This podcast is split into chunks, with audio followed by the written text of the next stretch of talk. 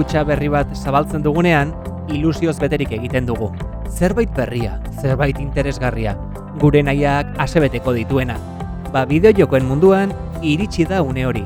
Generazio berri bat estrenatzen hasi baikara, gaur bertan. Kutsa aipatu dugu, eta badu bere zentzua.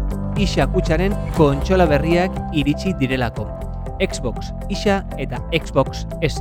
Bosteun eta irureun euroren truke saltzen hasi berri direnak. Bi kontsoletan punta-puntako jokoak erabilial izango dira. Isa bertsioan, diskoetan, lurrei diskoetan etorriko diren jokoak jokatu izango dira, eta baita digitalean ere. S bertsioan aldiz, joko digitalak soilik ikusiko ditugu.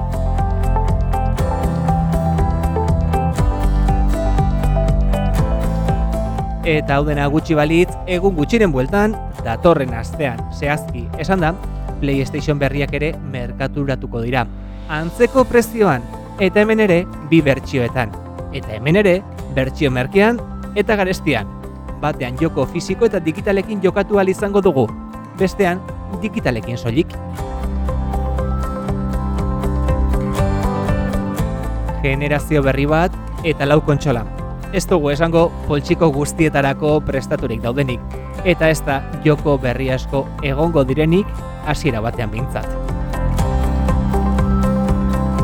Baina esan dakoa, generazio berri bat estrenatzen hasi gara.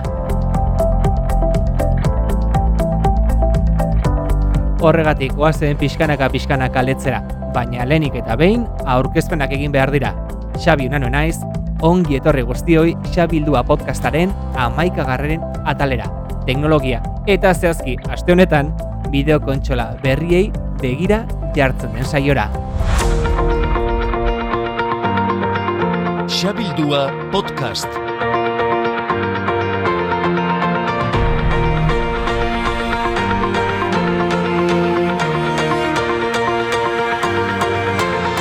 Ba bai, hemen dira generazio berriko lau kontsolak, punta-puntako jokoetara bideraturik egongo direnak.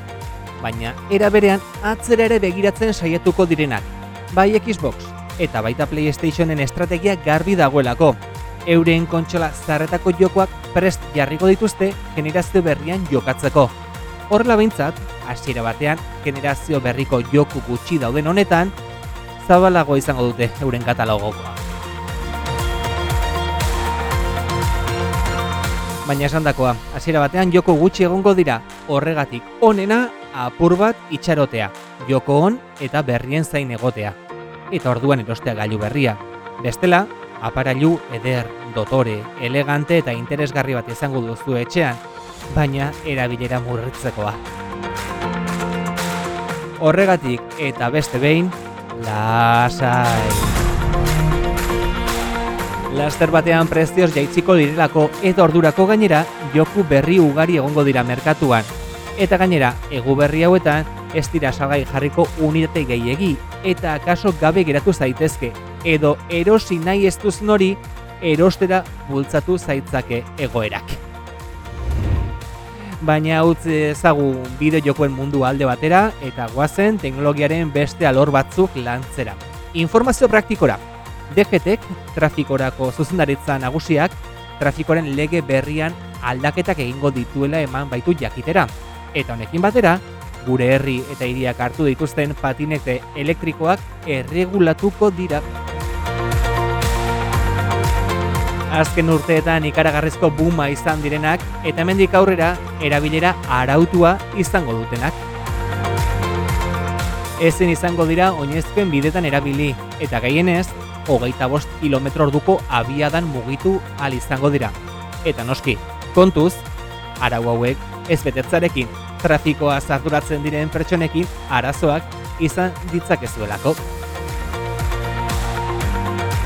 Bide batez gogoan hartu gidatzeko karneta mugiko horrean izateko aplikazioa eskuragarri duzuela, eta laster batean gainera nortasun agiriaren ere antzeko aplikazioa jarriko da eskuragai. Supermerkatuetako txartelekin gertatzen den bezalaxe, administrazioarekin zerikusia dutenak ere bide bera jarraitzen ari baitira, dena mugikorrean. Eta albisten munduan beste salto bat egingo dugu. Seguraski askotan ikusiko zenuten, Googleen sartu eta albiste ezberdinak agertzen direla, fitxe ezberdinetan. Google Discover izeneko aplikazioare esker egiten dau. Ba, Espainiako Cedro elkarteak, komunikabide ezberdinak elkartzen dituen elkarteak, prentxaren esgaea izango litzatekena, G handiaren kontra joan da. Elkartearen arabera, Google euren lanaz aprobetsatzen ari da, eta horren ordainetan ez du inongo kalte ordainik jasotzen. Eta azpimarratzen dute, antzeko zerbitzok eskaintzen dutenek, Huawei edo eskuidek esaterako, kalte ordainak ordaintzen dituztela. Milioi bat euroko kalte ordaina eskantzen diote G handiari. Ez da aztu behar 2008an antzeko salaketa baten ondorioz, Googleek Google News zerbitzua itxi behar izan zuela. Mundu zabalean martxan dagoena, baina ez Espainian. Ikus egin beharko da zein estrategia jarraitzen duen orain Googleek, batez ere 2008tik 2008aren buelta honetara arte, bitarte honetan mugikorren merkatuak erabateko eraldaketa jaso duelako. Xabilduatik, albistea gertutik jarraituko dugu. Eta gaurko podcasta amaitzeko bitxikeri bat. Roboten gerran sartuta gaudelako bete-betean.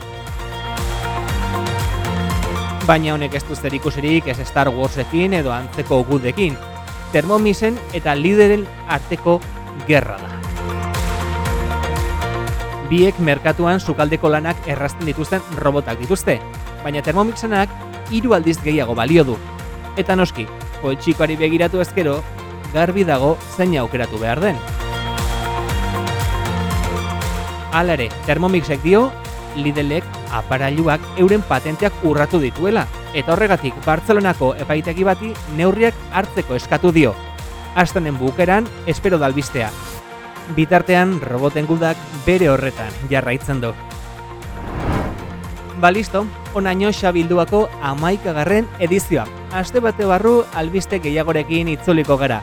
Bitartean, xabildua.eusen artituko gaituzue, eta baita podcast zerbitzu nagusietan ere. iVoox, Google eta Apple Podcast, Spotify, Anchor... Non nahi zaudela ere egin bat teknologiarekin xabilduaren bitartez. Ordu arte, aio, eta ongi bizi.